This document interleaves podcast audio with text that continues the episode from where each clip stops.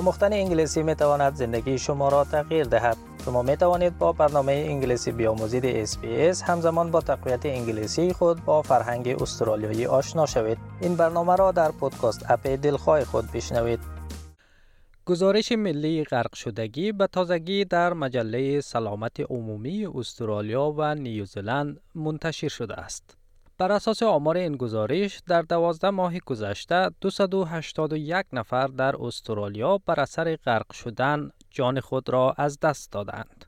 این گزارش تحقیقی که توسط انجمن سلطنتی نجات استرالیا به همکاری سازمان نجات غریق موج سواری استرالیا تهیه شده حاکی از افزایش خطر غرق شدن در طول تعطیلات و آخر هفته های طولانی است.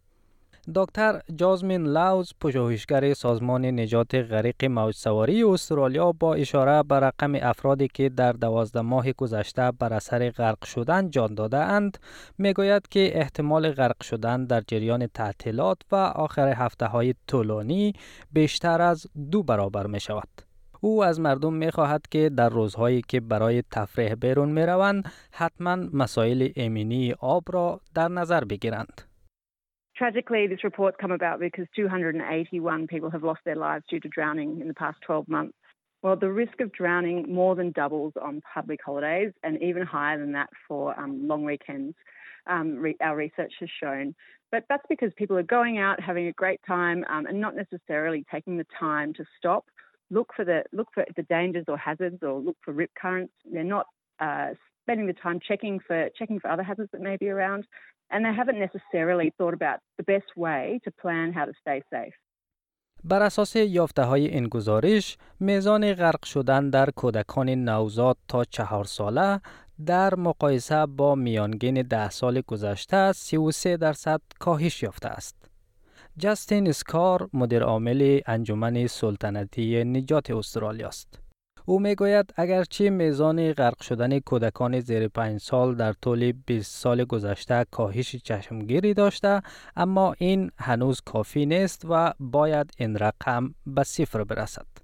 Uh, child drowning continues to reduce in this country. Uh, we've reduced drowning about by 53% over the last 20 years, uh, particularly under the age of five through backyard pool fencing and campaigns like the Keep Watch program. Um, 16, though, is way too many. Uh, we need to work hard. It's one area of water safety where we think we can get close to zero. اما تعداد مرگ های ناشی از غرق شدن در سواحل همچنان 29 درصد بالاتر از میانگین 10 ساله است و عامل بیشتر این مرگ ها جریان های شکافنده بودند. اما آنچه بیش از همه چیز باعث نگرانی کارشناسان ایمنی شده افزایش آشکار مرگ های ناشی از غرق شدگی در گروه های سنی بالای 45 سال است. دکتر لاوز می گوید 57 درصد از رویدادهای مرگبار در همین گروه سنی رخ دادند. به گفته او افزایش غرق شدگی در میان این گروه های سنی عوامل مختلفی دارند که از آن جمله می توان به بیماری های قلبی زمینه‌ای و سایر بیماری ها و همچنین افراد در بیرون رفتن اشاره کرد. Normally, it's our young men who are at our high risk demographic. However, again, we're just seeing slight changes where people who are aged 45 years and older actually accounted for more than half of the drowning deaths that we, we recorded. A range of factors could contribute to the drowning in older adults. And this could be this could include um, underlying heart or medical conditions. Um, also, perhaps not knowing your limits when you're going out or not being prepared when you do go out for a day on the water. این پژوهش همچنین یافته های نگران کننده در مورد خطر غرق شدن برای ساکنان مناطق دورافتاده دارد. احتمال غرق شدن آنها نسبت به شهرنشینان نزدیک دو برابر است. دکتر لاوز دلایل آن را عدم دسترسی به منابع و فقدان تجربه شنا در محیط های متفاوت می داند. Well, often if you don't have access to resources such as swimming or um, even having the experiences to, in different environments, it does actually play, place you at risk because um, you're not you're not familiar with the risk or what the behaviours that you need to have to stay safe. کارشناسان از مردم می‌خواهند که خطرات آب را جدی بگیرند و قبل از رفتن داخل آب به دقت برنامه ریزی کنند.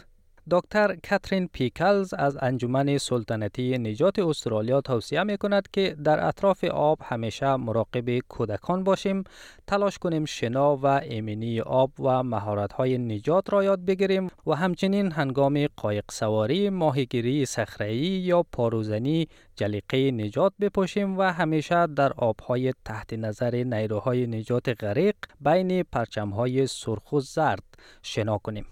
توصیه دیگری او این است که همیشه آب و هوا را برای جایی که می روید بررسی کنید. Always supervise children in, on and around the water. Um, learn swimming and water safety and life-saving skills. So that could be going to a swimming lesson or going to your local pool and just um, getting back into swimming some laps and increasing your swimming fitness. And then making sure you wear a life jacket when you're boating, rock fishing, or paddling. Um, swimming at a patrolled beach between the red and yellow flags, avoiding alcohol and drugs around water, and then checking the conditions. So using a weather app or um, or going online to check the weather forecast. انیکا ویلز وزیر ورزش استرالیا می‌گوید که حکومت فدرال از ایده افزایش آگاهی در مورد ایمنی آب به ویژه با نزدیک شدن فصل گرما و تابستان حمایت می کند. There will be significant challenges when our days start to heat up next month. That is needed because to be in the water is to be Australian. I and many others have the privilege of childhood memories soaked in salty ocean water. We live under the sunburned skies, but our love of ocean and our love of backyard, poolside, barbies, of jumping into fresh creeks and of swimming under waterfalls does carry major risk. We must do more to assess to understand and to acknowledge those risks.